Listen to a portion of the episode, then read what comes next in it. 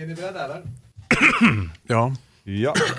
Ja just det, stäng av telefonerna. Ja, tack så mycket. Eller ljudlöst i alla fall. Tänk om Dana White ringer mig och bara... Den har varit, ja precis. Jag har fått en bonus. Oh, Ja, ja, ja. Hörni, håll käften nu kör vi då. Det här är Fighterpodden. Ladies and gentlemen, we are... I'm not surprised motherfuckers. Touch gloves, get ready for war. Ladies and gentlemen, the mauler, Alexander Gustafsson. Oh my God. Double leg. He just got double leg. I'm gonna show you how great I am. Det är så vi peppar upp oss varannan vecka i eh, Fighterpodden. Härligt att du är med oss. Där sitter Simon Kölle. Tjena, tjena. Där sitter Hans Wiklund. Hallå? Vad var du förra veckan du? Eh, nu ska vi se, vad sa jag till dig? För jag ljuger alltid om var jag är någonstans. Så jag måste ju normal- måste försöka eh, tänka efter. Men, men eh, hade vi något viktigt uppdrag Du misstänker skulle jag? träna ska du faktiskt. Gjorde jag? Ja, jag, jag, jag, måste, jag måste träna ska du bara. Men det var inte då du var ju vid ubåten? Det var, veck, det var igång Ja, nej, det var, jag var i Köpenhamn veckan innan eh, det och då var jag nere och hittade, tittade på Raket Madsens ubåt. Eh, eh, förskräcklig brottsplats, men eh, ja, det var spännande. Det är så sjukt att du kombinerar liksom veckans brott med Fighterpodden. Ja, det, men det känns ändå som en naturlig kombination. Jag vet inte varför. Jaha, jag heter Mårten Söderström och där borta i hörnet har vi Johan Haldin. Hej, hej. Hej hej, som numera har fått definitionen Johan i hörnet. Johan i hörnet. Det är så här med en Där kan ju lyssnarna inte riktigt se, men han står ju faktiskt i hörnet. Skamvrån. Eh, Och eh, jag satt och försökte förklara för någon här vad är det han gör för någonting. Alltså så att egentligen så är han någon form av övervakare. När vi har fel, inte har koll, så ska han ha lite koll. Så här. Ja, men det är som med gamla ordföranden, liksom. de får ju sådana uppdrag, eller hur Johan? Sparka snett åt vänster. Ja, istället nej, för att bli han är ju ambassadör. alltså, emeritus, alltså uttjänt. Alltså, han, han, han var bra förut och sen nu är han gammal. Ja, Eller så här, landshövding. det kan det bli bästa fall. Eh, Så här är det att idag har vi också tävling. Vi har två biljetter till Superior Challenge som vi ska berätta om sen. Där man då ska svara på en fråga och den som skickar in svar först till oss när man hör podden så kommer vi avslöja vinnaren till nästa podd. Ja, Först och rätt svar antar jag då du menar? det- Yeah. Ja, precis. Först och rätt svar. Inte bara först. Så är det precis. Men idag har vi ju då eh, härliga och fina gäster igen. Jag ska skriva en presentation så tänkte jag ska försöka vara lite check här. Så det är Sveriges motsvarighet till kanske Ken och Frank Shamrock eller varför inte Nate och Nick Diaz. Känns lite likare faktiskt, eller hur? De talangfulla MMA-utövarna Daniel och David Tamer! Bra. Som alltså eh, delar mikrofon här. Då ska vi se här, då har vi alltså den äldste eh, och det är du Daniel. Daniel, precis. Det stämmer. Precis. Och sen har vi den yngre som sagt David. Eh, ni har även en bror som heter Gabriel va? Ja, exakt. Han var ju vår storebrorsa, han hjälpte oss väldigt mycket. Men eh, han valde att satsa på frisörlivet och han är en frisörstjärna idag och satsar på sin frisörsalong. Liksom. Han är, Ja, ni har väldigt snygga frisyrer. Det, Ja. det, det måste jag säga. så det, det, det är vad han hjälper oss med nu för tiden. Mycket med frisyrerna och hjälper oss med eh, stöttning och fighting och allt. Var själv väldigt duktig, alltså många vet inte om det men han var faktiskt väldigt, väldigt duktig. Han hade kunnat kanske komma till en nivå också. Han, han var ju minst lika bra som oss, om inte bättre. Men han, vet, Gud har en plan för alla och han eh, valde att satsa på frisören. Eh. Hans position var att hjälpa oss lite grann där eh, med fightingen och så. Så han, han valde inte att satsa lika mycket som vi gjorde. Men han har gått många matcher och likadant som oss har han avslutat dem på knockout också. Så han är riktigt Teimur, eh, Teimur gener där också. Han klippte till dem helt enkelt. Klippte till. Ja. bra, bra. Jag tar inga extra för det där. Ja, okej. Vem av er upplever ni pratar mest hemma? Daniel kanske, eller? Ja, det, jag vet Jag inte. pratar mer i ringen. Ska vi, eh, när vi ändå är där, vi kan väl ta den grejen, eller hur? Ladies and gentlemen, after three rounds, we go to the judges' scorecards for a decision. All three judges score the contest 30-27 for the winner by unanimous decision, David Taylor!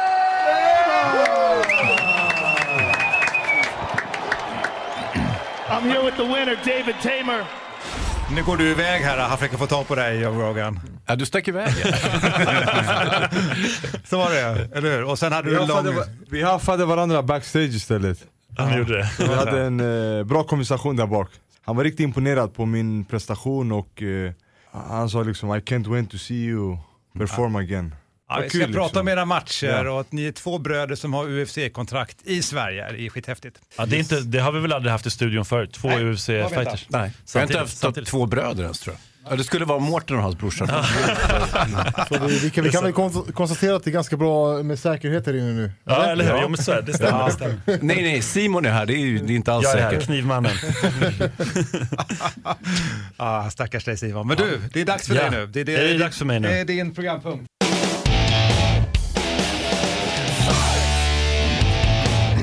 Programpunkten Kampsportsnyheter i korthet. Och för dig som lyssnar då, alltså det är en vecka tillbaka och en vecka framåt. Eller två veckor tillbaka Ja. och två veckor framåt. Det Även om ni lyssnar på den här podden om ett år så är det ett år och en vecka tillbaka. Det är, det är helt beroende. På något sätt, det blir saker som har hänt och saker som kommer i alla fall. Vi har haft karate-VM. Vi pratar ganska lite om karate här i podden tycker jag. Hej! Du gillar karate eller? Jag älskar karate. Han har svart bälte karate. i, i i karate. Shitoryu. Skytteryo. Okej, okej. Vad är det för stil? De klappar till varandra. Jag har ingen Ja, okej, aning. Det är väl ungefär som karate. Karate-VM har vi i alla fall haft och det är rekordstort karate-VM. 1700 deltagare, 110 länder. Det är ganska mycket. Ja. Jädrar. Det är en global sport på riktigt faktiskt. Ja men det är verkligen det och 2020 nu då så kommer det in i OS också. Och då, därför så satsas det något enormt på just eh, karate. Och vi hade vår första medaljör på 10 år. Ett brons blev det där. Anna Johanna Nilsson var det som tog det i U- U21 minus 60 kilo. Och som sagt det var hennes tränare som eh, Sadik Sadik som tog eh, det för 10 år sedan. Ja, just. Då Bra har hon något brås på. Ja, det måste det vara. Ja, men eller hur. Sen hade vi två stycken sjunde platser. Så att det är spännande. Vi får nog återkomma till lite mer karate någon annan gång. Eh, Johan i hörnet, får jag fråga nu. Den här typen av karate, öppnar du en öl precis? Ja. Dåligt. Den här karaten, är det samma som eh, Kukushin-karate? Som, eh, eller, ja. Kyokushin. Ku- Eh, Kukushin, ja. Kyokushin. Eh, nej, Kyokushin är ju en egen karategren liksom. Eh, nej, så att sportkarate, den vanliga sportkaraten ser ju annorlunda ut än Kyokushin. Kyokushin är mer, eh, ska man säga, som, som thaiboxning med eh, karate-gi på. Fast man inte får slå i ansiktet, lite annat lullull. Ja, det är en väsentlig skillnad får man ju säga. Mot thaiboxning menar jag. Utan tvekan, och armbågar och sånt där. Alltså. Det är till och med olika förbund faktiskt. Det är, Kyokushin är ju med i Kampsportsförbundet och eh, Karateförbundet. Ett eget förbund som var väldigt stort, eller som är väldigt stort. Varför jag frågar är ju för att de som tränar Kyokushin-karate, de säger karate och det här är också karate. Det är lite grann som vi diskuterar. Båda är ju karate. Ja, det är de. Men det är lite grann som vi har diskuterat med jujutsu. Att eh, traditionell jujutsu och brasiliansk jujutsu, man säger jujutsu båda två, men det är ganska olika. Ja, det är det ju. Och I Brasilien säger man bara jujutsu till exempel. Man säger inte brasiliansk jujutsu när man är i Brasilien. Nej, det blir ologiskt. Ja. Alltså, men om du kommer någon som tränar traditionell sportjujutsu till eh, Brasilien och säger att jag tränar jujutsu. Då säger de, vad håller du på med? Exakt, vad håller du på att stå upp och hoppa? Vi kanske inte ska snöa in så mycket på det, men Jo, i, Grek, jo, jo. i Grekland säger man ändå grek-romersk brottning. Bröderna. Teemu går härifrån snart. De orkar inte lyssna på den här skiten. Nej, fortsätt. Det är, det är intressant det här. Tala om brasiliansk jutsu, vi hade ju våran eh, tränare Allan Finfo som vann i I USA, Ja, eller? Ja. precis. Så han vann ju nyligen, så han kom till klubben idag, han hade så här massa Tre medaljer, tre ja, guld. Ja, jättefina liksom, stora medaljer och sånt så Han är grym Allan, verkligen Fin Fu. Ja, Precis. Ja men verkligen. Vi måste ta hit honom känner jag. Vi har Absolut. pratat om honom flera gånger. Men nu fick vi in det, den grejen också. Hoppa över det. Men vi kör MMA då. Lina Länsberg åkte ju på en förlust mot Aspen Ladd. Väldigt tveksamt domslut ska jag säga. Eller vad säger ni? Han bröt ju bröderna, såg ni? Självklart såg vi Lina fightas. Men vad tyckte ni om do, alltså, att domaren stoppade? Ja, alltså jag kommer inte ihåg exakt. Det kändes som att det var lite tidigt stopp där, men det, ja vad ska jag säga.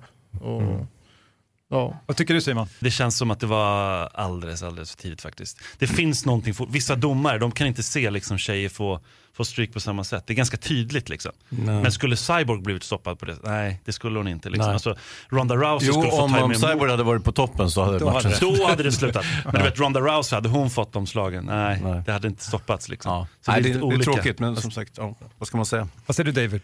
ja det var lite tråkigt det som, det som hände det var, det var väl, Jag tyckte också att det var lite för tidigt stopp Vad ska man säga liksom, när domaren har sagt sitt och sånt, då är det liksom gjort och sagt så Det här är typiskt eh, kampsporter, man gnäller inte på domaren. Det här är inte Nej, fotboll nej. när man håller på att snacka skit om domaren och säger att de gör fel hela tiden. Det är kampsport så är det, ja, det är som det är liksom, domaren dömer. absolut Johan? Det Lina har funderat på här det, när hon har eh, intervjuer, det är ju att hon tycker att, hon, att domaren blev påverkad av att Ladd skrek Mm. väldigt gällt och, och liksom markerade varje gång hon slog. Och att det skulle ha påverkat. Hon hade ju ryggen på Lina och satt och liksom hade backmount och slog henne, men Hon tyckte, enligt Lina var det inte hårda slag. Och hon, hon tror att det här kan ha påverkat, liksom att det här skrikandet påverkade dem. Mm. Det tyckte jag var intressant när vi har satt sport. Eh, Valdo Zapata som är expert där, han, han sa ju också att det är ju en del man lär ut till sina fighters. Att eh, när man har, ligger på och pressar, att man, att man låter mäktig samtidigt så påverkar det domaren lite grann. Och det är ju liksom taktik, det är ju rutin på något sätt. Även om det här var en väldigt ung tjej liksom, så hon var ju smart. Ja, det är lite karatetricket. Alltså, man man skriker och slår. Liksom. Skriker och får mer kraft. Den som skriker högst vinner. Vi ska gå vidare till en annan förlust då tyvärr. Vi hade ju eh, Jack Hermansson som gick en, han, han hade ju verkligen gått från klarhet till klarhet senaste tiden och så mötte han Thiago Santos och eh, åkte på förlust till TKO i första ronden. En sekund kvar var bara av ronden. Och han gjorde väl det här klassiska felet, det kan ni säkert berätta mer om grabbar. Eh, när man blir träffad så backar han rakt bakåt, hela buren rakt igenom. Han tog aldrig en vinkel någon gång. Det är ganska basic egentligen, eller hur? När man retirerar att försöka ta en vinkel vid något tillfälle. Vad säger ni om det? Vad, vad jag tyckte lite där att Hermansson, han, han studsade lite för mycket där. Han, eh, han var inte så stabil i sina steg och just i den här viktklassen, just hans motståndare, han kom som en pansarvagn mot honom och han backade och tog sneda steg bak. Och det påverkade lite grann, men jag, jag tror inte att han blev så sönderslagen. Det var liksom att det såg så ut lite som Linas match. Men därför får man tänka på det med stegen också. Ja, det här var ju hans tuffaste motstånd hittills. Ja. Han, slog, han, har- eh, han har tydligen många avslut också den här killen, så han slår ju hårt. Men eh, viktigast är att eh, Hermansson eh, återhämtar sig och kommer tillbaks bättre än någonsin. Och han är grym, han är bra. Liksom. Han är grym. Och han kommer komma tillbaka helt, helt övertygad. Jag tror att han eh, säkerligen skrattade en 10 20 minuter efter och bara tänkte på nästa match. Han hade det psyket. Michel Ersoy hade rätt när han eh, tippade förra gången han var här i, i podden. Han trodde på Darren Till, att han skulle slå Donald Cerrone och det gjorde han. Skedde i rond 1. Eh, Oscar Picciotta som jag snackade om, som jag vet inte, kommer ni ihåg honom från eh, när han mötte Sadie Bossy? I, Tvärtom. eh, Han kommer ihåg oss. vadå, berätta. Vadå? Det är rätt, det är rätt. Nej, men han, eh, han gjorde sin UFC-debut, jag, jag hypade honom lite, han är obesegrad. Han, han vågade stå mot Sadibou och sen så en triangel åkte ju Sadibou på när de möttes. Han vann sin UFC-debut väldigt tydligt, domslutsvinst där. Jan Blahovic kom tillbaka i vinstkolumnen eh, med en bulldog choke, inte, inte ofta man ser dem mot eh, Devin Clark där rond två. Som han också fick performance of the night för. Det är bulldog chokes, alltså, det är inte så vanligt. Var, var det inte det som Niklas Bäckström också vann med någon gång i Tyskland? Det är Ja, mig. exakt. Eh, Det var ett liknande mot den här uh, finnen, uh, Ninimäki va? Ja, precis. Tom, Exakt, Tom det. Ja. Det är kul. Det ska ju inte, det ska ju inte lyckas på något sätt. Nej, det ska inte det. Har du fått det är in ju det gång? vanligt Om jag har fått in det? Nej det har jag inte och jag har inte blivit utsatt för det heller. Nej, okej. Ännu. Det, det gör man inte på Prana. Det är Nej, inga vi, har bulldog ingen, chokes. vi har ingen sådana tekniker. Nej, Niklas okej. är faktiskt duktig på de där låsen. Vi har liksom varit, alltså, tränat ihop en hel del. Så han är riktigt duktig på den här låsen, som Anaconda. Så, Ja. Men det var någon som sa, han sitter framför tvn hemma och bara övar själv liksom. ja, ja. Han, vad vann han på uh, Off the Night? Bulldog choke. Uh, performance of the night fick vann han. Men du vann ju Fight of the Night fast du förlorade, eller hur? Var det inte så eh, Daniel? Ja exakt, det stämmer. UFC tyckte jag att det var fightens bästa match, äh, galans bästa match och eh, Ja det var det ju. Det var det. Det var det, det var Utan tvivel. Herregud vilken fight. Men det är konstigt ändå att, liksom, att du förlorar matchen, då blir det, ja. ja. ja men det... Får du några pengar då? Får du några pengar för att det är Fight of the Night? Ja alltså man får lite pengar men det blir inte så mycket kvar efter skatter och utgifter. 50 000 dollar var det så. Så- Men som svar på frågan, du fick ändå pengar för att det var Fight of the Night. Ja exakt, men eh, som sagt det blir inte så mycket över. Ja, ja. ja, bra match i alla fall. Nej, men Men, så är det. Så. eh, som sagt, ja, självklart, man, man, eh, även att man eh, förlorar, de ser det som en helhet att man har presterat eh, Ja, bra, liksom, man har bjudit på en show och älskar de det så, så, så är det liksom fight of the night. Och Mm. Det uppskattas. Derek Brunson imponerade stort när han eh, stoppade Mashida i första ronden. Eh, ja, det var en, han, han hade touch of death som någon sa, liksom, att hans han, händer i norr, alltså vilken kraft han Ja, har. samtidigt blir man ju lite, och samma med Damien Meyer som du precis skulle prata om, Ja. att man, det är ju lite deppigt med de här gamla storheterna. Att Nu, sporten utvecklas så snabbt så folk blir, är så mycket snabbare än, än de har varit tidigare. Så att, eh, har du några år på nacken och börjar komma upp i 35-40 bast, du, du har inte med saken att göra. Och varit borta några år Ja, och sådana visst, saker visst, också absolut. som Mash- nu har han ju Mashida hade doping varit. avstängd vilket ju inte lagar förfall på något sätt. Nej, det är sant. Det är sant. Damien Maia då, han åkte också på förlust. mot Colby Covington på domslut. Och det är, han, han har ju problem mot riktigt bra brottare som inte han får ner. Liksom. Det, blir, det är ett jättestort Men han var ju problem. helt slut, han var ju så trött Han så var så på att trött dö. alltså. Han är, ja, nej, men han, han är ju fantastisk på backen, men man måste ju få ner det dit också. Förut. Vi har annars en väldig hype just nu. Eh, eh, den är alltså helt enorm. Bisping mot GSP som kommer komma tillbaka, apropå komma tillbaka då, då, på UFC 217. En gala som har tre stycken titelfighter. Det är Bisping mot GSP, vi har Cody Garbrandt mot TJ Dillashaw. Det är era kompisar. Johanna Jędrzejczyk eh, som möter Rose Namajunas. Så tre stycken titelfighter har vi att se fram emot. Vilken av de här ser ni mest fram emot? Jag ser fram emot Cody mot eh, TJ. Vem, vem tror du? Eh, jag får väl säga Cody. Daniel eh, tror nog på Cody också. Det skulle jag säga. Men GSP-fighten då, är ni inte nyfikna på den? Eller är han över? Ingen utav dem är så någon favorit av min stil. Jag tycker att GSP, han är inte så, alltså, det, jag, jag tycker att han är så kul att kolla Nej, nu på. går jag. Jag tycker det här är för tråkigt. Men har du någon fundering på vem, om du nu inte ens kanske bryr dig, men vem tror du vinner då? Mellan Bisping och GSP? Jag, jag, jag, jag skulle nog satsa mina pengar på Bisping. Vad säger du David? Eh, Saint-Pierre han är ju liksom en komplett MMA-fighter, det är han. Bisping kan ha stora chanser att vinna, och plus att eh, GSP har varit, han har ju varit borta också ett bra tag. Men ah, jag tror på Bisping om jag får... Bisping säger bröderna Tamer. Ja, Okej då. intressant. intressant. 11 november har vi också en US-gala som eh, man skulle kunna kalla den comeback-galan näst, nästan.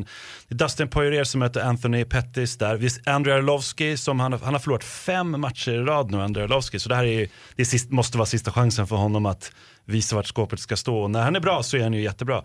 Eh, och ska försöka vända karriären mot eh, Junio Albini, så det är inte världens kändaste fighter, men det är en eh, han har ju gått en, en UFC-match och då vann han performance of the night. Så att det, det betyder alltid någonting som, som vi har sett på Daniel bland annat. Det, får man den i sin debut, liksom. det, det säger någonting ändå, måste man säga. Eh, andra på kortet, eh, apropå comebacks och sånt där, vi har Matt Brown, Diego Sanchez, honom måste ni gilla, eller hur? Diego Sanchez, nu, nu tar han ganska mycket stryk, men hans vilja, attityd. Han är skön. Skön liten pojke. Men vä- vänta bara, eh, när Timurbröderna, de, de, de ska visa vad riktig fighting är. Ja, det är bra. Det är bra. Nej, men det, det, så Nate Marquardt, också en sån här gammal goding, Joe Lawson, Clay Guida, Sage Northcutt med flera på den galan. Conor McGregor säger sig att han nu vill möta Ton, Tony Ferguson, så att, eh, att det är hans, ett rimligt nästa steg. Vad tycker du om det Hans? Eh, ja, det vore kul om han körde MMA igen. Sluta med boxning. Men då får han inte 100 miljoner dollar Nej, det lär han väl inte det- få. Han kan få en det smäll det. på käften istället. Tony Ferguson som ju har tagit bältet, han har eh, också blivit tilldelad svart bälte faktiskt i eh, 10th Planet Jiu-Jitsu Mm. av Eddie Bravo. Det, är, det, är inte, det är inte jättemånga som har det. Han har ju blivit lite mer vänlig med att ge ut bältena nu senaste tiden, men det är ändå Tony Fergusons submissions ser riktigt vassa ut. Alltså. Mm. De har gjort en det- grej av det som du säger, 10th Planet Jiu-Jitsu, att, det- Mm. att det ska vara lite mer exklusivt att få svart bälte där. Det har ju varit liksom Eddie Bravos grej, men eh, ja. Ja men till slut så måste han ju ändå lämna ut dem, för folk har ju stått och harvat vid brunt väldigt länge där i hans Det system. beror ju lite på om de tävlar i brasiliansk jiu-jitsu eller inte. Då, då kan du i och för sig göra detsamma. Om du kör MMA så spelar det ingen roll vilket bälte du har på Nej. i jiu-jitsu egentligen. Nej. Och han vann från rygg på liksom, ja, Ja, ja, visst. teknik som de övar på mycket. Så att, ja. Mark Hunt kan Mm. vi prata lite om. Han har blivit avstängd från UFC, han pratar väldigt illa Ja, om ja. UFC just nu. Jag Han har- såg det där. han, du såg det komma. Ja. men han har ju också stämt UFC för, för den här Brock Lesnar-matchen. Att han var, ja, han var? Brock Lesnar var, var ju dopad i den matchen. Och eh, då vill han ha pengar liksom och så här för att de, det, ryktena säger att UFC visste om att han var dopad i den här matchen men släppte igenom det. Det finns inga bevis men, eh, men Mark Hunt är övertygad. Dana White säger nu att det har ingenting alls med det att göra. vi, vi, vi ska inte säga så mycket om det men eh, han har blivit avstängd för att han vägrar komma på en eh, hjärnröntgen i eh, Las Vegas. Ja, det är ju rimligt då att man blir avstängd.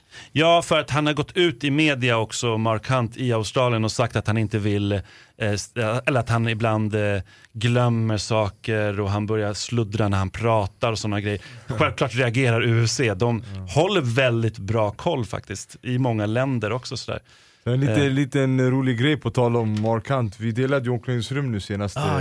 Så alltså jag lovar dig, han, alltså han snoozade i, i omklädningsrummet Så, så gick han upp, såhär, rullade lite på handlederna, knäck, knäckte nacken till vänster och höger, slog en, två på plattorna, så satt han igen. Så kommer de och knackar på dörren såhär, Markan, 10 minute to fight, 10 minute. Jag bara shit, han har knappt värmt upp. Jag ligger och sover. Rutin. Eller också är han bara dum i huvudet. Ja, eller också är man lite dum alltså.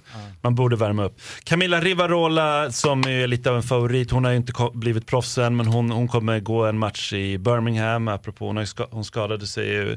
Så att hon kämpar sig närmare proffskarriären. Sen har vi lite Superior Challenge-nyheter. Papi Abedi har ju fått motståndare. Sheikh, inte, eller inte Sheikh Kongo utan Sheikh eh, Kone heter den här. 17-8 rekord från Elfenbenskusten. Kone har åtta vinster på knock men förlorat sina fyra senaste. Så att någonstans får man känna att han, eh, Papi har fått lite lättare motstånd den här gången än sin förra. Eh, Så kille. nu undrar jag, Shake, är det ett namn eller är det en titel de har? Alltså typ som någon prins eller?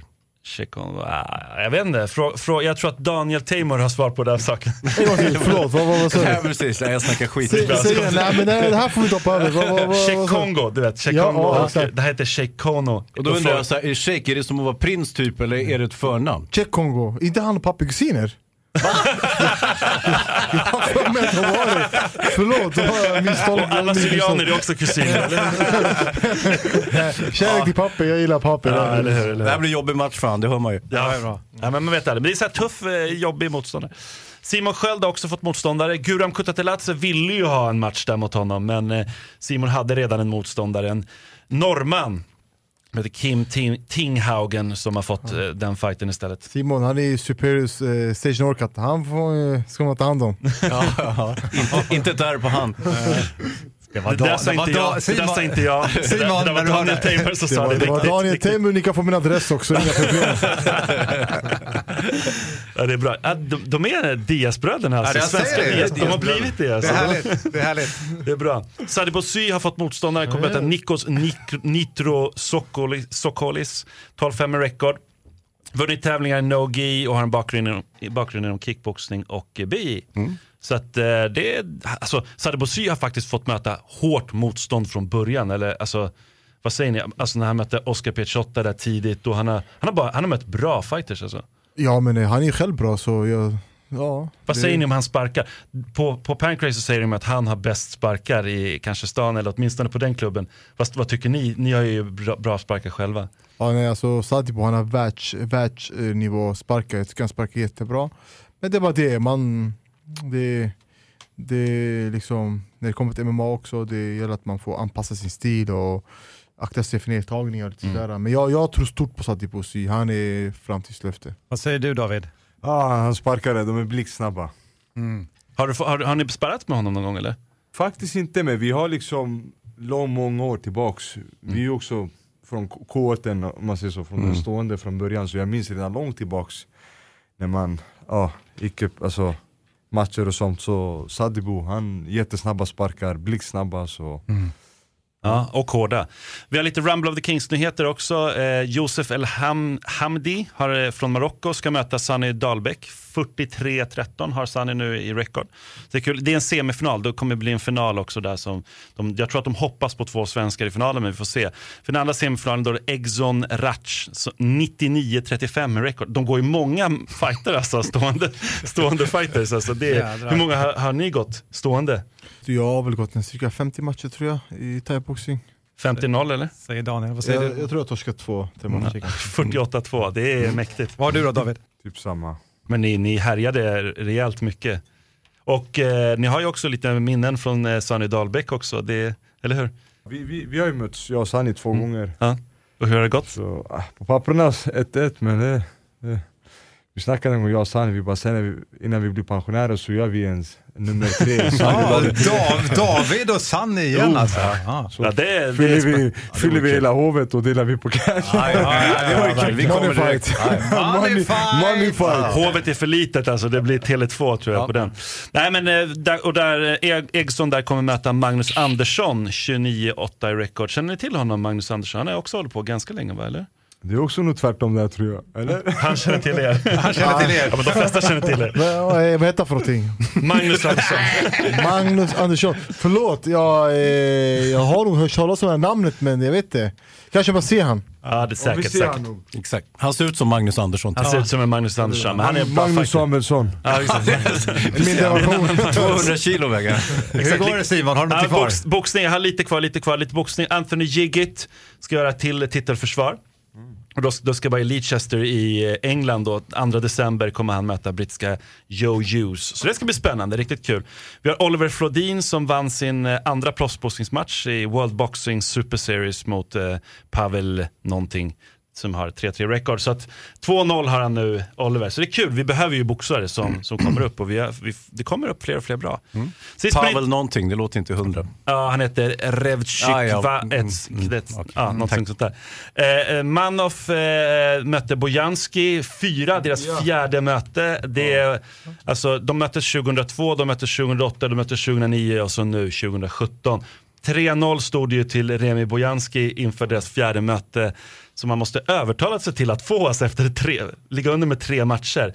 Men eh, många tycker ju att det var lite konstigt domslut, men Manoff eh, vann den matchen mot eh, Remi Bojanski på domslut. Alltså det, så har Ja. ni sett matchen? Ja, jag såg den faktiskt.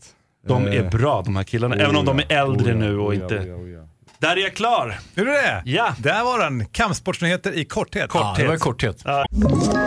Ett poddtips från Podplay. I fallen jag aldrig glömmer djupdyker Hasse Aro i arbetet bakom några av Sveriges mest uppseendeväckande brottsutredningar. Går vi in med hemlig telefonavlyssning och, och då upplever vi att vi får en total förändring av hans beteende. Vad är det som händer nu? Vem är det som läcker? Och så säger han att jag är kriminell, jag har varit kriminell i hela mitt liv men att mörda ett barn, där går min gräns. Nya säsongen av Fallen jag aldrig glömmer på Podplay.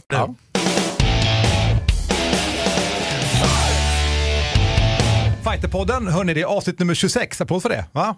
Oj, Oj, oj. Liten golfapplåd. jag har sagt så mycket här.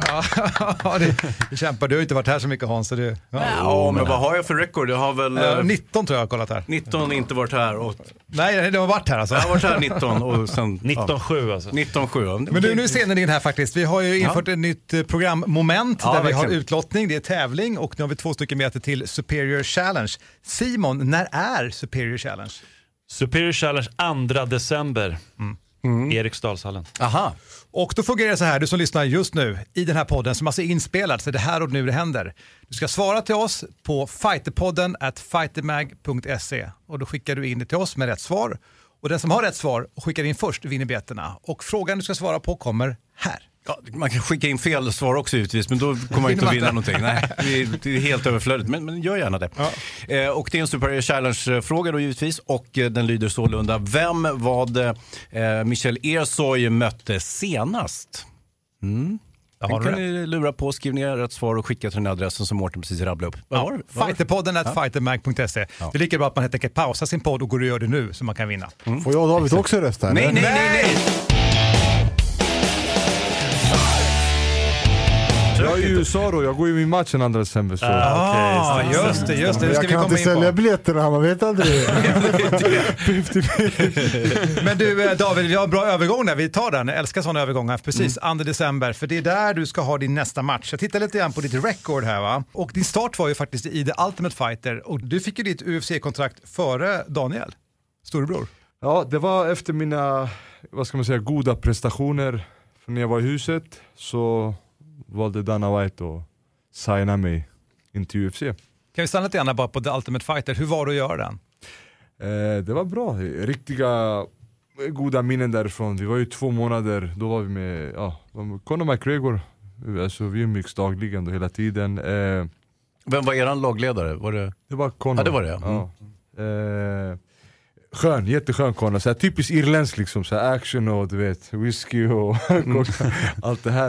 Eh, och eh, nej men det var mycket träning var det. Eh, saken är den, det enda som eh, är skillnaden liksom, det är, det är en hel del mentalt liksom. Du är inne i ett hus, ni är typ 20 grabbar och eh, eh, det är ingen tv, det är inga telefoner, ingen kontakt med hemma, familjen och sånt. Men eh, ja, Men jag måste säga det att det var ju också den säsongen som man fortfarande brydde sig om tuff. Alltså nu är det lite, lite svårare att bry sig om tuff. Jag tycker det har blivit så mycket med det här med Ultimate Fighter. Men den, alla brydde sig om Det var den den säsongen. bästa säsongen. Det var- Vi, säger inte, vi säger inte det här för att du var med i den. Nej, men det var så. Nej, men det var så. Lite, Men, ja. Det, det var upp till, det, upp till den och kanske den som var efter så var det fortfarande så att väldigt många tittade på det. Sen har det lite grann dalat efter det. Det är inte alls lika populärt längre i hela världen. Och sen är väl franchisen lite devalverad, det är flera territorier, va? det är Brasilien och allt Så är det ju. Det är väldigt många sådana. Men eh, vad, vad säger ni, skulle det kunna fungera att ha en nordisk tuff? Absolut. Självklart, säger Daniel. För det skulle vara ganska spännande va? Eller vad säger ni? Ni, ni kan vara coacher. Exakt, då måste det vara obligatoriskt Tamer-bröderna med. Det, det var coolt. Tamer coach Daniel, Tamer coach David. Fan vad coolt det skulle bli. Och så sk- Så ni mötas sen ju när det är nej, slut? nej, Jo, jo. absolut. Men det, då, då pratar vi pengar.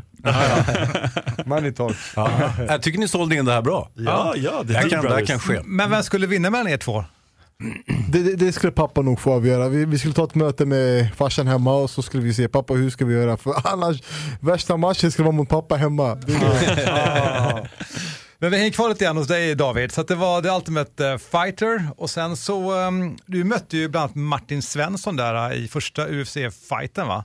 Och slog ut honom. Hur kändes det? Alltså den enda svenska eller deltagare, ja, hur tänker man då? Helst ville inte jag ju möta Martin om man säger så, eh, när jag fick höra att det skulle bli jag och han.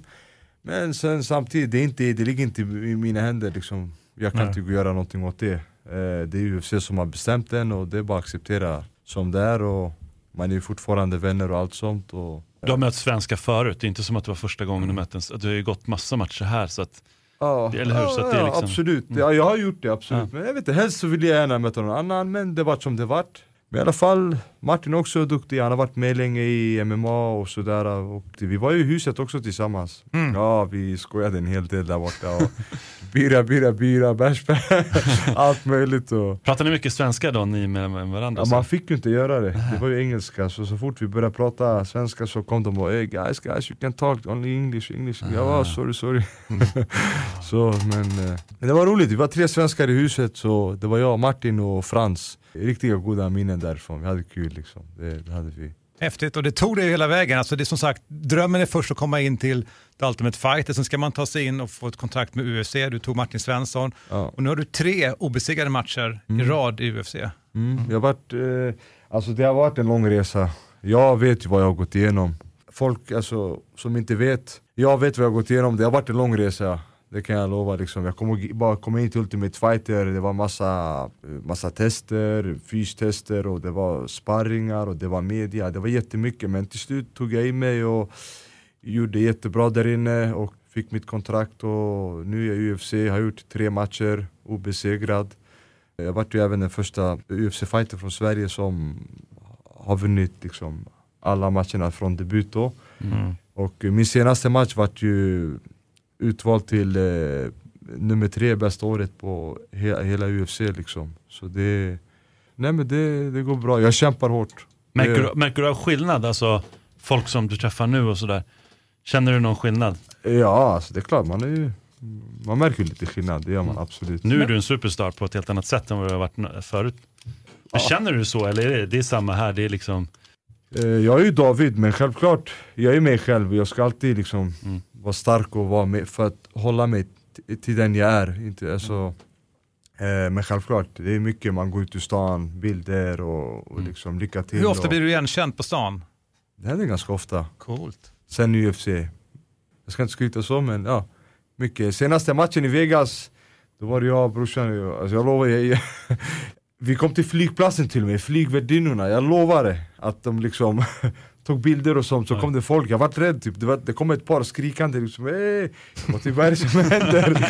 De bara, det var du, vi var och kollade på liksom, så ville de ta bilder och sånt och, Nej. nej. men det, är- det är bara jättekul liksom, jag är jätteglad och jag har kämpat hårt för detta och jag hoppas kunna leverera mer och mer och liksom. Men man eh, tänker för dig då Daniel, du fick ju kontrakt några år efter brorsan. Du är också äldre, du är storebror. Precis. Hur kändes det? Nej men alltså det är ingenting, vi, alltså, jag har ju, vi har alltid stöttat- stöttat varandra jag och David. Och eh, grejen var så här att just mitt kontrakt, eh, det var ju liksom där att jag fick eh, ta chansen och jobba mig in då jag fick ta en sista minuten match där. Vi var i Skottland där, jag, jag hade precis gift mig, jag eh, åkte till Mauritius på smekmånad, var där med min fru, eh, sen hade vi varit där en vecka på så här, femstjärnigt all inclusive hotell. Alltså eget lyxigt hotell och så här, blått vatten, wow nu ska jag bara koppla av mig två veckor här liksom. Och sen hade, sen hade jag varit där i typ en vecka, checkat upp mig och bara, oh, självklart så dricker man ju någon drink här och där också. Sen eh, så hade UFC kontaktat mig och de, eh, ja, de hade liksom haft ögonen på mig självklart och eh, de, hade ju, de sa dem att det finns en match, Skottland vill ha dem. Det var inte så att de sa här eh, du vill ha liksom, ett UFC-kontrakt. Så Nej. det var liksom, äh, vill ha den här matchen. Och självklart, gör, gör man bra ifrån sig på en sån match så liksom får du fler matcher och får du chansen att visa upp det. Och jag, jag tog chansen och egentligen så hade det inte varit UFC hade jag aldrig gått den här matchen. Men det var ju så tio dagars varsel. Eh, det var tio dagars varsel, ja. så jag, jag hade ju ett x antal kilo att gå ner och komma i form. Vänta nu, hur många kilo hade du? eh, Hur mycket låg du snett?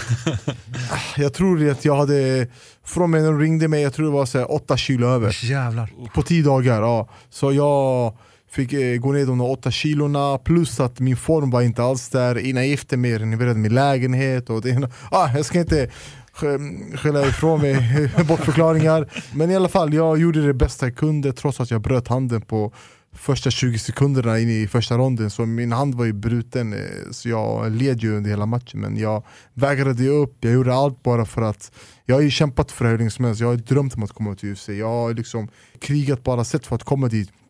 Det är inte lätt att komma dit heller, så jag, alla vill, alla försöker, jag försöker hur mycket som helst. Jag, obe, jag var obesegrad innan jag kom till UFC 6-0, alla, alla matcher första ronden knockout. Eller jag hade tre knockouter, tre submission på avslut. Och då, då var jag bättre förberedd, då liksom var jag redo.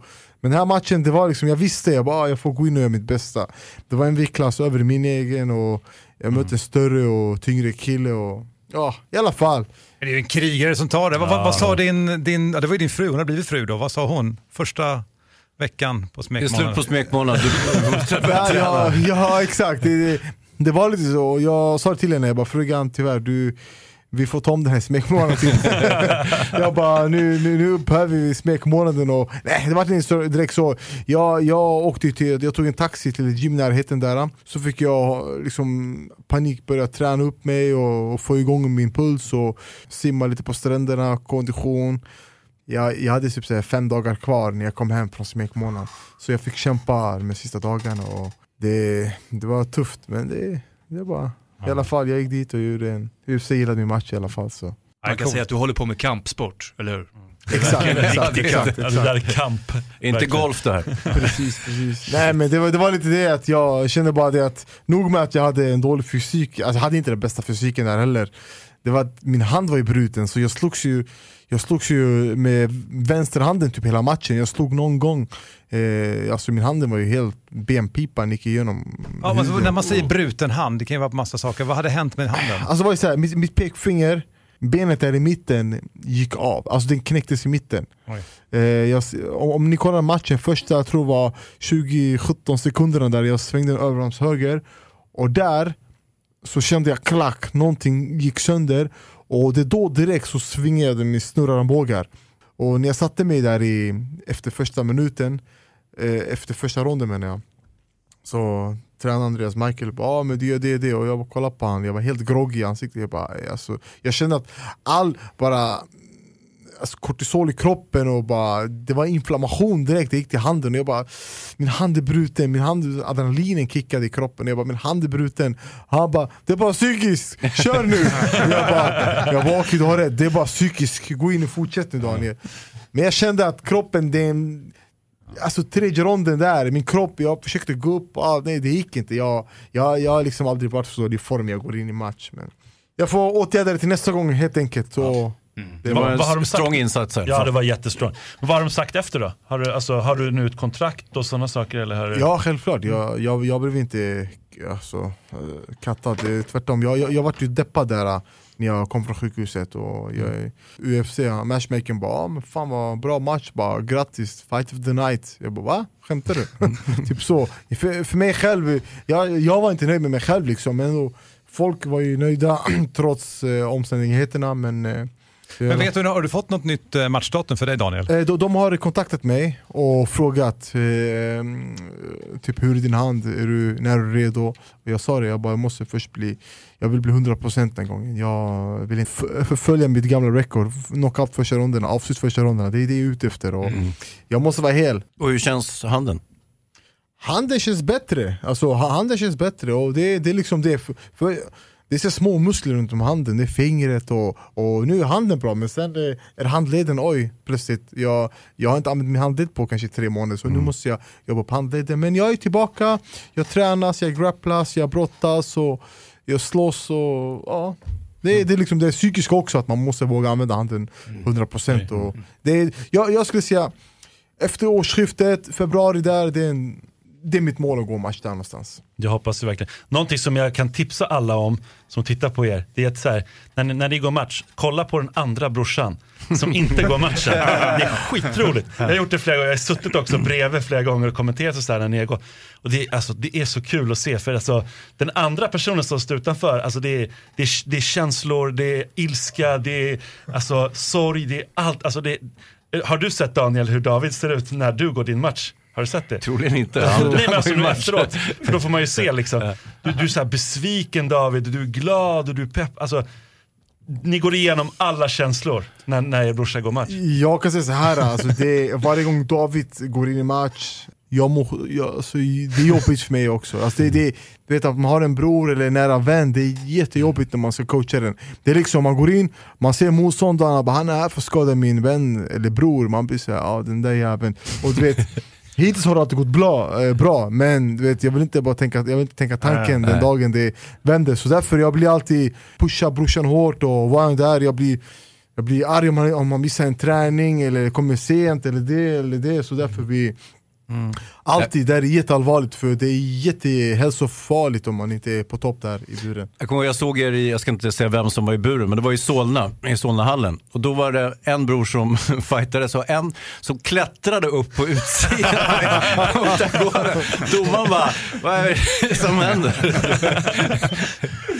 Det där kan nog vara äldsta brorsan, Gabriel Men det är också, eh, Reza Madadi är lite liknande. Alltså, han blir också, han kan ju ligga bredvid buren och ska visa grejer. Alltså, han, han är helt galen när han ska coacha. Alltså, det, är, det är väldigt kul att se på. Du, eh, men David, du som är lillebror då, har, har han varit en schysst storebror eller har det, är han storebror? Liksom, Det känns som att ni är ganska tajta med varandra. Vi är, så, vi är tajta, det är vi. Vi, liksom, vi går och tränar tillsammans, vi går, alltså, våra viktklasser är nästan, alltså, det är min bror liksom. Sen så här, om det är stor eller inte, jag har inte riktigt liksom Vem är tjockast då? Kolla, det, det där var liksom ute, utifrån hans eh, upplevelse det, det, han är min stor, men, men för mig som är storebror kan jag säga att farsan bara alltid hörru, du är storebrorsan du ska, och du har ansvaret, fattar du? Kommer du hem nu och det har hänt någonting, det är du som får ansvaret. Så, Då är verkligheten. Men det är min bror, det är bara så jag säger. För mig är åldern bara en siffra. Ja, men det är kul att se. Ja, Det det, det måste ju ha en himla trygghet alltså, att ni alltid har varann och liksom i med och har motgång. Och det är som sagt det är inte alla som har det på det sättet. Vi har alltid hjälpt och stöttat varandra sen dag ett, det har vi gjort. eh, Och vi har hållit på med den här sporten i jättemånga år. Trots, jag är 28, Dan är 29, 15 år har vi hållit på i alla fall med det här. Och Vi, vi har en, eh, en lyssnarfråga som Ja. inte är till dig utan som faktiskt till Johan i hörnet som kanske kommer tillbaka lite grann till din träning. Så ska vi alldeles strax också reda ut det här, din kommande match nu David.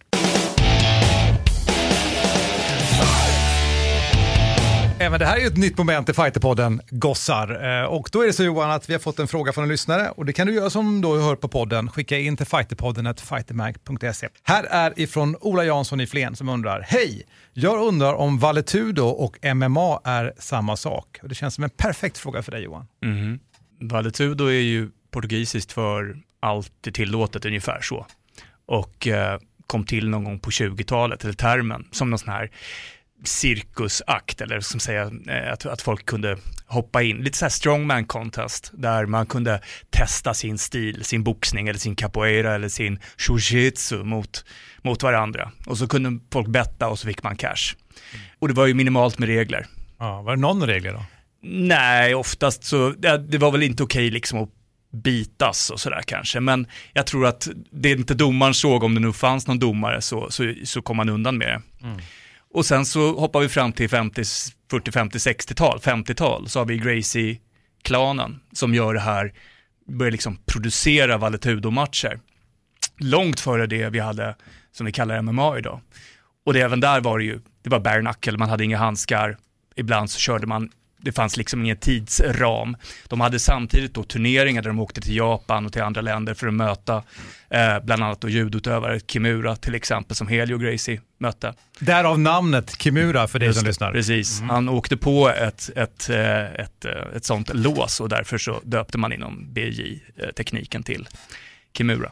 I alla fall, fall, de höll på med det här ganska länge. Det finns rätt mycket material om man orkar titta eh, tillbaka i tiden. Och, och, eh, sen så var det ju så då att eh, en av de äldre bröderna, Horion Gracie, han fick för sig att han skulle köpa in sig, eller snackade ihop sig med Art Davis som grundade UFC från början. Så skickade han in sin lillebror, om jag kommer ihåg rätt.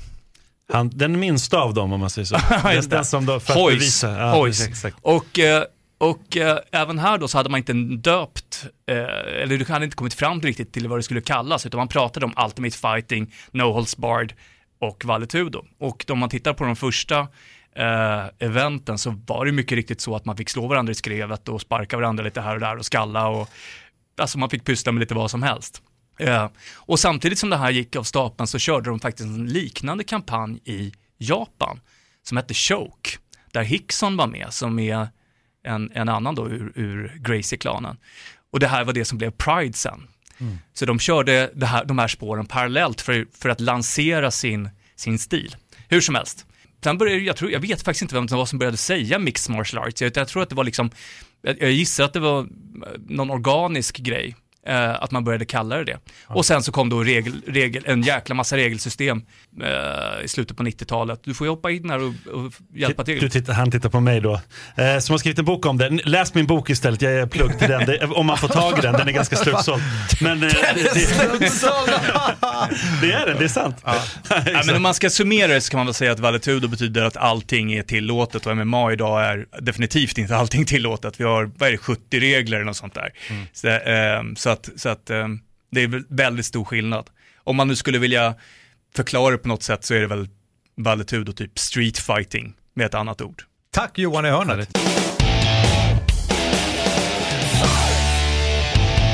Fighterpodden i studion storebror Daniel Tamer och lillebror David Tamer. Och David som då laddar inför sin match den 2 december. Berätta lite grann hur du, eh, hur du känner inför den matchen. Känns bra, full, full fart med träningen. Två pass om dagen, tio pass i veckan. Eh, det går bra, det rullar på. Och vem är du möter? Drakkar Klose är det. Dakar Klose. Ja. Nu såg han senaste match. Ja, det har jag sett den. Så, Han är tuff alltså. Ja, han är duktig. Han är obesegrad, han är duktig. Men jag är bättre. Du är bättre. Ja. Så är det. Så är det. Ska visa vart skåpet ska stå. Bra. Vi ska Men- ta, men hur hem, mycket- ta hem vinsten. Ja, det utgår vi Ja. ifrån. Måste bli så. Men hur mycket studerar du din motståndare? Jag fastnar inte allt för länge. Jag kollar bara lite grann, tittar lite, sis och så.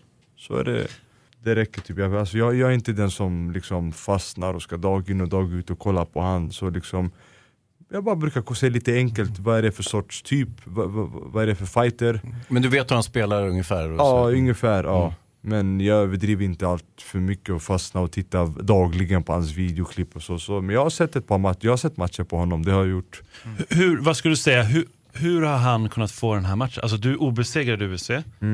Och hur har han kunnat få den här fighten? Alltså, har han en Det sån, sä, säger han- du att han har en sån spännande stil eller något sånt där? Du är ju favorit, ganska stor favorit i den här, Mm. i den här matchen. Han har ju en ganska bra vinst senaste, det var mot han eh, Mark Diakese. Exakt, vilket är en tuff Ja, person också. Ja. ja. exakt, så det är väl efter det liksom han har fått upp sitt namn och så. Tycker du att det är värre att möta någon som inte är så känd men som är, som är bra liksom? Eller är det skönare att möta någon så här, du vet, Ja, om, du, om du skulle få möta någon Tony Ferguson eller så som, som alla hypar till exempel, bara för att nämna ett namn. Då, då, då, är du, då skulle du vara underdog. Mm. Nu är du som är favorit. Absolut, alltså jag har ju mött, jag har ju mött bägge två.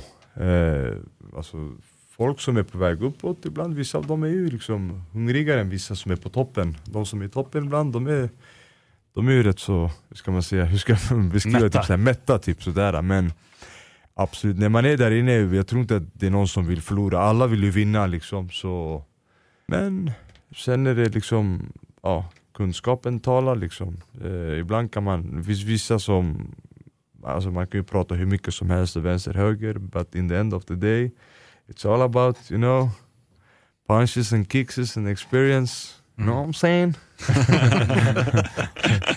så, nej men jag är taggad och ska bli jättekul nu att få köra. Så Det är alltid kul att UFC lägger mig på de här, det är folk som brukar säga Fan David du får ju riktiga bra eh, galor liksom. Nu är det UFC 218, det är ju jättebra matcher. Jättebra. Det är bältesmatcher och jag är glad, jag är verkligen stolt och liksom gå in där och visa hela världen och eh, ja Ja men det är coolt alltså. Vi älskar ju våra svenska Ja. MMA-fighters och att du har eh, gjort så bra ifrån dig. Mm. Det är häftigt. Och senaste matchen var ju helt fantastisk. Vi håller tummarna. Tack snälla N- när du eh, vann den matchen och höll lite tal, där, sista du sa sen så tackade du Gud. ja. Ja, hur viktigt är det för dig med tro? Mycket, alltså ganska ja, mycket liksom, eh, liksom jag, brukar, jag tackar Jesus för, för, eh, för allt, för, för, för hälsan och eh, för allting liksom i livet. Så ibland när det kan gå bra för mig exempel, då tar inte jag typ credden till mig själv. Då tänker jag liksom, som jag sa, typ all ära till Gud. Det är typ Jesus, han hjälper Mm. mig, han ger mig kraften, välsignelsen och du vet, allt det här. Alltså, ja, det Är det inom familjen? Är ni, lika, är ni samma? Har ni samma syn på det? Vad säger du eh, Daniel? Ja, självklart. Vi är uppväxta och födda till att vara kristna och vi tror väldigt stort på Gud. Så självklart. Men, men era föräldrar går i kyrkan regelbundet och allt sånt där? Ja absolut, vi också. Vi båda två, vi regelbundet. Nej men det är alltid, vi faktiskt, man, man känner att det är någonting att man har någonting, i det, alltså hela karriären och allt, vi har känt att det har varit någonting där också som har, vi har fått något extra därifrån också. Och man har ju känt det alltid innan våra matcher och så, vi går ju till prästen och vi får, de ber över oss och allting och det känns äh, magiskt på något sätt. Det, man känner att man får den här extra kicken att okej nu, nu liksom, det känns skönt, man är avslappnad och i mina matcher jag kan läsa bibeln och allt och det känns, det känns så tryggt och skönt. Och, Öga för öga, tand för tand tänker jag. Ja. Så är det. Alltså, det är ju starkt att se er båda två. Jag tänker på, man ser när ni pratar, hur ni diskuterar med varandra, alltså det här det är som att ni vet lite grann vad den andra ska säga. Ni, eh, eller hur? ja, något åt det hållet. vi- ut och in till. Ja, vi kan eller hur? vara ut och in. De bröderna Tamer är som du och jag Mårten. Ja, eller hur? Precis. eh, ni påminner som sagt lite grann kanske, men inte så mycket om Nate och Nick Nej, de här brorsorna är ju snygga, de det andra är är det. inte något vidare. Ja men Daniel, det finns en på er klubb som är riktigt på väg framåt som också har varit här och, och snackat som är riktigt grym tycker jag. Eh, Hamza Bogamsa, vad säger, vad säger du om han, hans karriär? Vad är han på väg? Hamza, det är den svenska Badr Hari. Och eh, så, eh, nej men han är Han är jättestort eh, framtidslöfte, jag tror stort på Hamza, han, är, han, är, han kommer bli grym. Alltså, jag tror väldigt stort på han, han är en av dem. Varför jag, heter han Golden Boy? alltså, han är, alla marockaner vill ju vara Badr Hari. nej men eh, kärlek och respekt, jag gillar Hamza jättemycket. Och, Fan, det är bra, bra att du nämnde han, han ville faktiskt att jag skulle prata om hans namn. Härligt, härligt. Nej men han är grym, på väg framåt, verkligen. Hörni, vi ska ta och knyta ihop Fighterpodden faktiskt för idag. Det var ett sant nöje att ha Daniel Tamer och David Tamer här. Applåd till er killar. Verkligen. Och säg igen då vem som är storebror och lillebror, för du, du har sagt det många gånger Ja, nu. men med håll. Daniel är storebror. Ja, ja. Så är det. Okej, och en, en sista. Vem är snyggast då? ja, det är ju Så David. jättesvårt. Det tror jag, vänta, vänta, vänta, vänta, vi måste vända oss till oraklet. Det är bara han som kan svara Ja, på en sån sak. Vi har ju ingen say så där. Vad säger han? Nej, jag tycker ni är lika söta. Ja. Kom igen! Bra, bra, jag säga att ni är söta, väldigt söta? Eller ska jag säga att ni är snygga killar? Det ska jag kanske säga. Det här är en fighterpodd som inte riktigt vet hur de ska avsluta idag tror jag, så vi kör så. Johan i hörnet där borta, Simon Kölle, Hans Wiklund, jag heter Mårten Söderström. Hör av dig till oss, fighterpodden at fightermag.se. Vi hörs om två veckor. Arigato masti.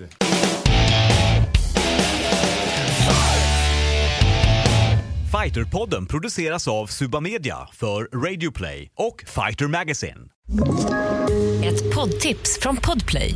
I fallen jag aldrig glömmer djupdyker Hasse Aro i arbetet bakom några av Sveriges mest uppseendeväckande brottsutredningar.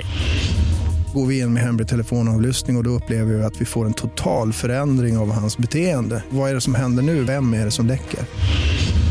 Och så säger han att jag är kriminell, jag har varit kriminell i hela mitt liv men att mörda ett barn, där går min gräns. Nya säsongen av Fallen jag aldrig glömmer på Podplay.